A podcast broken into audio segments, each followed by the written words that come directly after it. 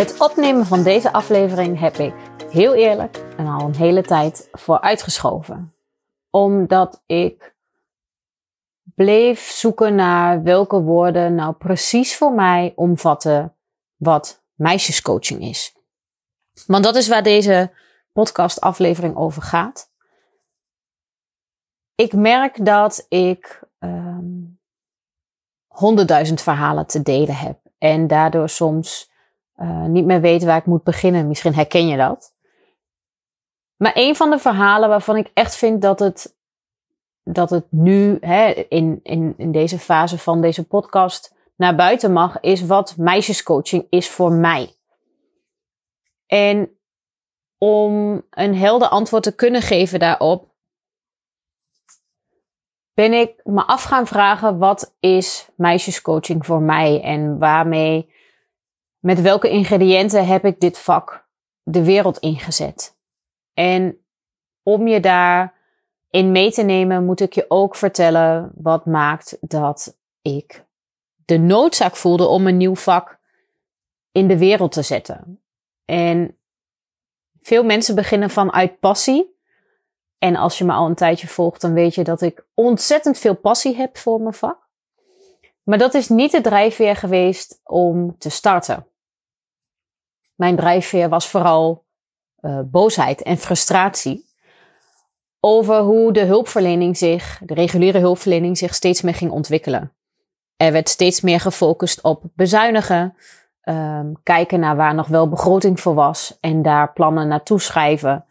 Um, in plaats van te kijken naar de mens. En wat werkt het best voor jou, voor deze cliënt voor mij?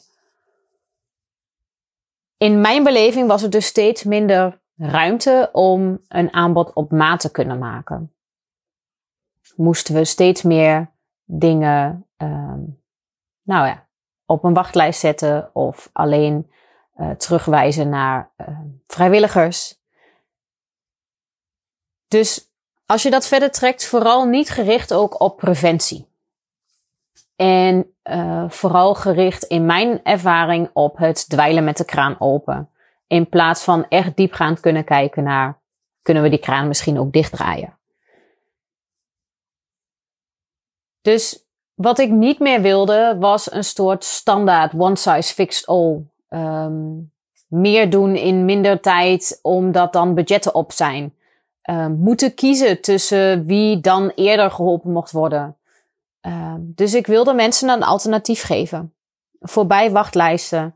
Uh, kunnen kiezen op de persoon en niet voor een grote koepelorganisatie. Um, en de vorm die ik daaraan heb gegeven is meisjescoaching.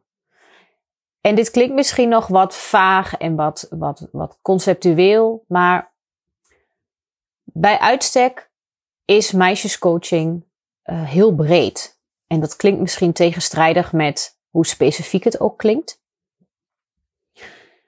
Maar hoe meisjescoaching precies ingekleurd wordt, bepaalt degene die het uitoefent. Meisjescoaching is um, gericht op uh, kwaliteitsontwikkeling. Is toekomstgericht. Dus we kijken vooruit, waar wil je naartoe? En tuurlijk moet je daarvoor soms terugkijken om te zien waar bepaalde patronen ontstaan zijn. Maar daar, daarin verschilt coaching vanuit um, de specifieke therapie, waarin toch vaak meer het vroeten in het verleden het uitgangspunt is. En dit kan ik allemaal kapot nuanceren, ga ik even niet doen. Um, maar belangrijker is nog dat coaching naast je gaat staan. En dat leidinggevend is waar jij naartoe wil. In plaats van dat er een bedacht format is. Um, en binnen, uh, nou ja, tien stappen ben je weerbaar. Hè, wat bijvoorbeeld bij veel weerbaarheidstrainingen als uh, uitgangspunt is. Meisjescoaching heeft aandacht voor het innerlijk meisje, het meisje dat je was, um, het meisje dat je wilt zijn, of het meisje dat je nooit hebt kunnen zijn. En in de specialisatie tot meisjescoach, dat is de opleiding die ik faciliteer, hebben we ook aandacht voor de meisjes in je praktijk. En dat kan zijn als je een eigen praktijk hebt, je coachpraktijk of je therapeutenpraktijk. Um, maar het kan ook zijn in de praktijk waar jij je professie uitoefent. Dus ik zie ook mensen die een functie in loondienst hebben, die bijvoorbeeld in het onderwijs zitten of in de reguliere hulpverlening. En meisjescoaching gaat voor mij nog veel meer over een, een houding die je aanneemt als coach. Een manier van kijken naar je meiden, de meiden in je praktijk, de jonge vrouwen waar je mee werkt. En gaat veel minder over waar je dan wel of niet aan hebt te voldoen. En ik denk dat dit precies ook is waar de worsteling voor mij zat in het willen opnemen van deze episode. We zijn heel erg gewend, heel erg vanuit de uh, mannelijke energie, dingen uh, met uh, to-do-lijstjes, met afvinklijstjes, met protocollen te willen um, vastleggen, te kunnen vastpakken. Terwijl bij uitstek de vrouwelijke energie veel meer te vergelijken is met water. Um, het gaat waar, waar de plek is, waar het naartoe mag bewegen. En dat is ook hoe ik het vak graag aanvlieg. Wat voor mij niet betekent dat er geen um, vaste pakken materie is. Want bij uitstek hebben we uh, een hele gereedschapskist aan, aan visie, aan werkwijze, aan, aan interventies die je toe kan passen. En toch, als ik het wil vastpakken, kom ik steeds bij de essentie uit waarin het gaat om hoe je het vak kan dragen. En wat het vraagt van jou als professional, als vrouwelijk professional. En van het meisje in jou. En welk beroep dat doet op de weg die jij hebt afgelegd van klein meisje tot volwassen vrouw die je nu bent. En de lessen die je daar hebt geleerd, hoe kun je die echt vanuit doorleefdheid meegeven aan de cliënten of studenten of leerlingen in je praktijk?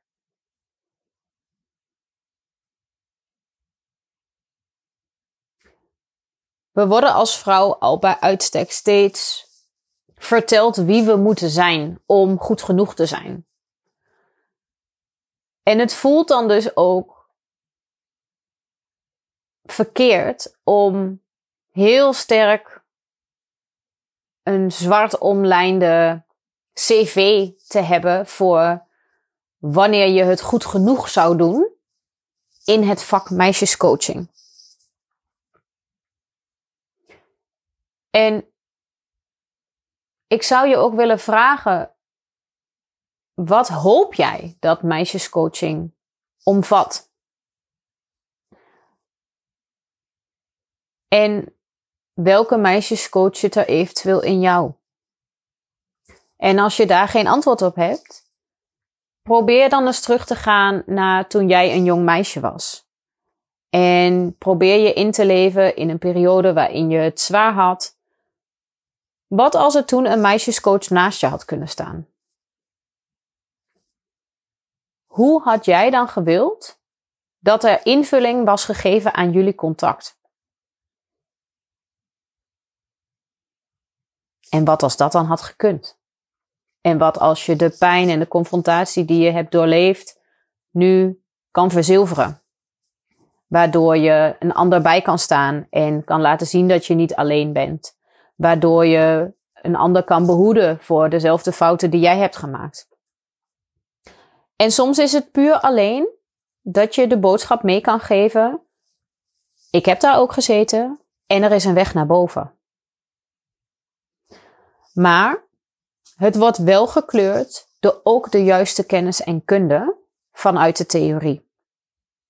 Dus dat is misschien een belangrijke toevoeging die ik toch wil doen meisjescoaching voor mij omvat dat je het persoonlijke stuk van meisje naar vrouw hebt doorleefd.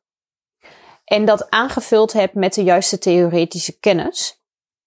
Waardoor je niet alleen weet hoe het is om dat pad te bewandelen, maar ook kan onderbouwen waarom bepaalde fases een bepaalde kleur hebben of een bepaalde functie hebben Zodat je ook niet alleen van persoonlijk doorleefdheid, maar ook vanuit theoretische onderbouwing dit vak kan dragen. Dit vak is holistisch, dus gaat verder dan puur alleen een situatie thuis of op het werk, um, maar omvat alles. En als jij als professional ook nog moeder bent, zul je merken dat het ook je rol als moeder kleurt. En ik merk dat ik een beetje alle kanten op ga, maar dat is ook omdat ik merk dat dat is wat dit vak voor mij betekent. Het is zo verweven in alles wat ik doe, dat hoe concreter ik wil worden, hoe meer ik ook voel dat het het vak tekort doet als ik het in een hokje probeer te drukken. En nou ja, dat is misschien ook weer een mooi bruggetje naar het werk dat ik in de praktijk ook doe. Ik probeer mijn cliënten niet in een hokje te duwen. Ehm, ik ga naast ze staan en ik onderzoek met ze samen of, er een, of ze in een hokje zitten en of dat hokje nog bij ze past of dat ze ergens anders naartoe zouden willen. En als ze ergens anders naartoe zouden willen, wat ze dan nog nodig hebben om daar ook te kunnen komen. En wat mijn rol kan zijn in die reis. Want wat ik vaak aan cliënten ook meegeef, is dat het niet, dat het niet iets is dat ik voor ze kan doen. Maar wat ik ze wel kan beloven, is dat ze het niet meer alleen hoeven te doen. En door samen op te lopen, ik ze uh, in hun ontwikkeling kan helpen versnellen. En dat is wat ik jou als professional ook gun. Dat je kan voelen dat je eigen ontwikkeling in een stroomversnelling kan komen. En dat juist door die ontwikkeling je ook je cliënten of studenten, hè, waar je in welk werkgebied je ook precies zit, dat je ook daardoor precies die verdieping ook weer door kan geven. Zodat je je een heler mens kan voelen en een helere vrouw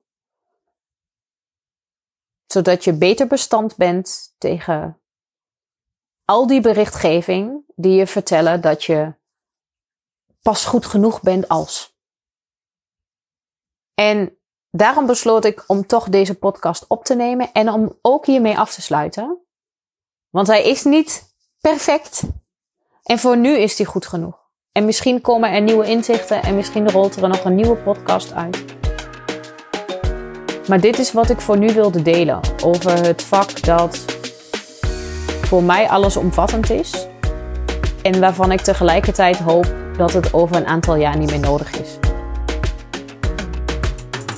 Denk dat dat ambitieus is.